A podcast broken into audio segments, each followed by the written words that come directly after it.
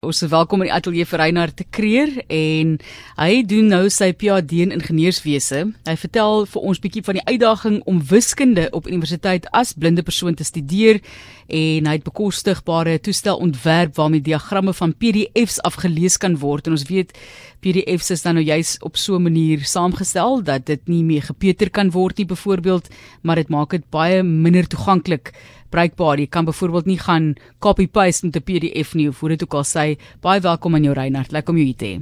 Baie dankie en goeiemiddag luisteraars. So vertel vir ons 'n bietjie hoe het tegnologie vir blinde of siggestremde studente oor die jare verander? Ek onthou en ek praat nou soos ek vir jou voor die tyd sê van lank gelede in 1998 wat ek saam met iemand studeer het en in die inligting kan ons maar sê biblioteek daarso waar rekenaars teenwoordig was vir mense om te kan gebruik vir take en so aan daai tyd nog voordat mense hulle eie skootrekenaars en rekenaars gehad het het was daar al stelselmatig tegnologie ingebring om te help om tekste te, te vertaal byvoorbeeld na braille toe. Maar dit is 'n baie komplekse en duur proses hoe dit verander oor jare. Ja, ek dink een van die groot dinge wat verander het is dat daar standaarde begin ontwikkel het om uh uh programme en inligting meer toeganklik te maak en ek verduidelik dit altyd um dit is die ekwivalent van as ons 'n fisiese gebou bou dan dan bou ons opritte vir mense wat rolstoele gebruik en is dieselfde met uh met uh digitale inligting ons wil um inligting bysit wat vir die blinde persoon of die visuele uh gestremde persoon uh die idee gee van wat aangaan in die inligting. Ehm um, so dit het dit het verander en dit het regtig ehm um, uh pos gevat in die afgelope 20 jaar en ek dink dit is uh 'n groot verbetering. En hoeveel meer kompleks is dit byvoorbeeld as jy kyk na wiskunde? Jy weet van van teks byvoorbeeld in woorde en wiskunde, dit is soms seker baie verskillend. Ja, so die ding met wiskunde is visuele wiskunde is 'n tweedimensionele tweedimensionele medium ehm um, jy weet jy het goeters bo die lyn, jy het goed onder die lyn, uh jy het vierkantswortels en so aan. So as ons dit omskakel vir 'n uh blinde persoon dan skakel ons dit om na 'n lineêre formaat. Ehm um, en dan lees jy dit nou van links na regs en jy het ehm um, byvoorbeeld jy word gesê hierdie is nou 'n uh, uh, 'n uh, 'n breek en hierdie is bo die lyn en hierdie is onder die lyn. Maar as jy nou soos soos jy gepraat het van PDF dokumente dan gaan daardie inligting bietjie verlore tydens die publikasieproses. Hm, as 'n rekenaar net nulle en ene nie. Ja, maar hy nulle en ene beteken 'n uh verskillende goeders hang af wat se kombinasies hulle nou voorkom. Nee, Reinhard, ek soek nou 'n maklike uitweg want my wiskunde is nou nie so goed nie, maar jy het 'n mooi storie van 'n vriend van jou wat ook blind is en dis Reinhard en Willem se verhaal. Ja, uh, ons het saam geswat en ek moet sê dit het dinge nogal heel vergemaklik want ons kon saam dinge ehm um, jy weet ehm um, verken en uitfigure en so aan.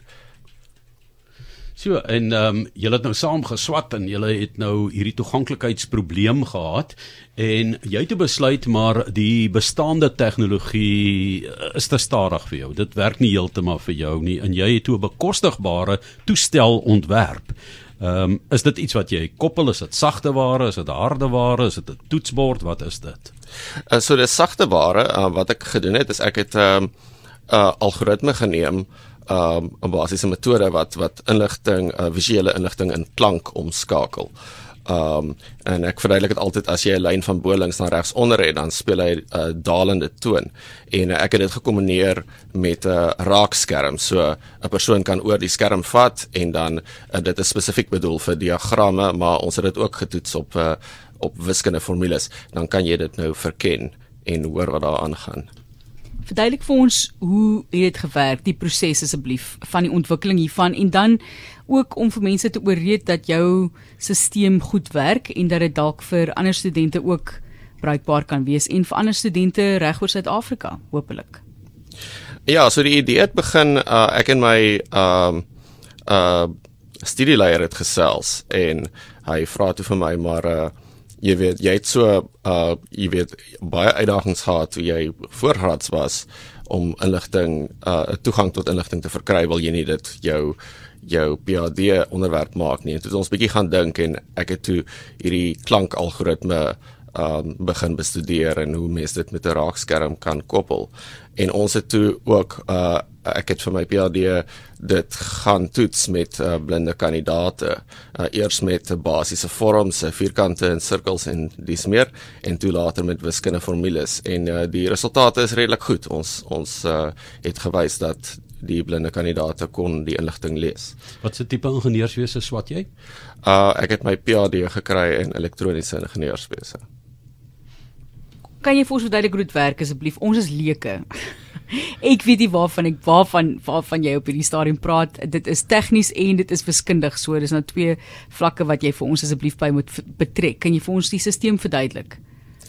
Uh so basies as die uh, persoon nou hierdie program van my gebruik, dan is dit 'n 'n tablet met 'n met 'n raakskerm en uh die persoon kan dan met een of twee vingers oor die skerm rondvoel en die inligting bestudeer en die uh die inligting word dan gespeel as klank.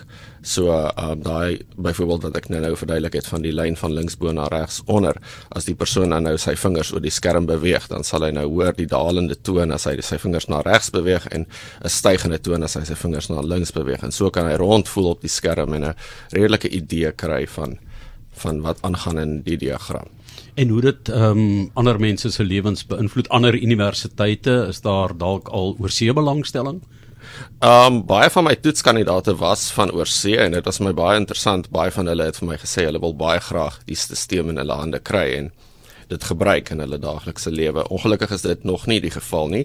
Ehm um, hierdie is maar 'n 'n prototipe gewees. Uh, maar uh, ek is uh, opgewonde daaroor dat ons dit kan verder ontwikkel en inbou in in bestaande sagte ware en sodat bestaande uh, tegnieke soos braille en en ander toeganklikheidsmetodes kan gekomplementeer word deur hierdie metode wat ek ontwikkel het.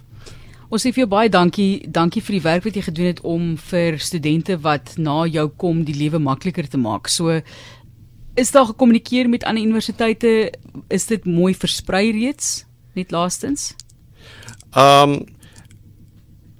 ek dink soos ek sê die kandidate is baie opgewonde daaroor. Ek was al gekontak deur ander universiteite. Ehm uh, maar ehm um, ja, ons ons sal nog sien hoe ons dit voorheen uh vorentoe ontwikkel. Maar uh ek is ek is baie opgewonde oor die toekoms. So opwindend. Sit dit in 'n toepassing en maak geld daar uit asseblief. Dis al wat ek kan sê.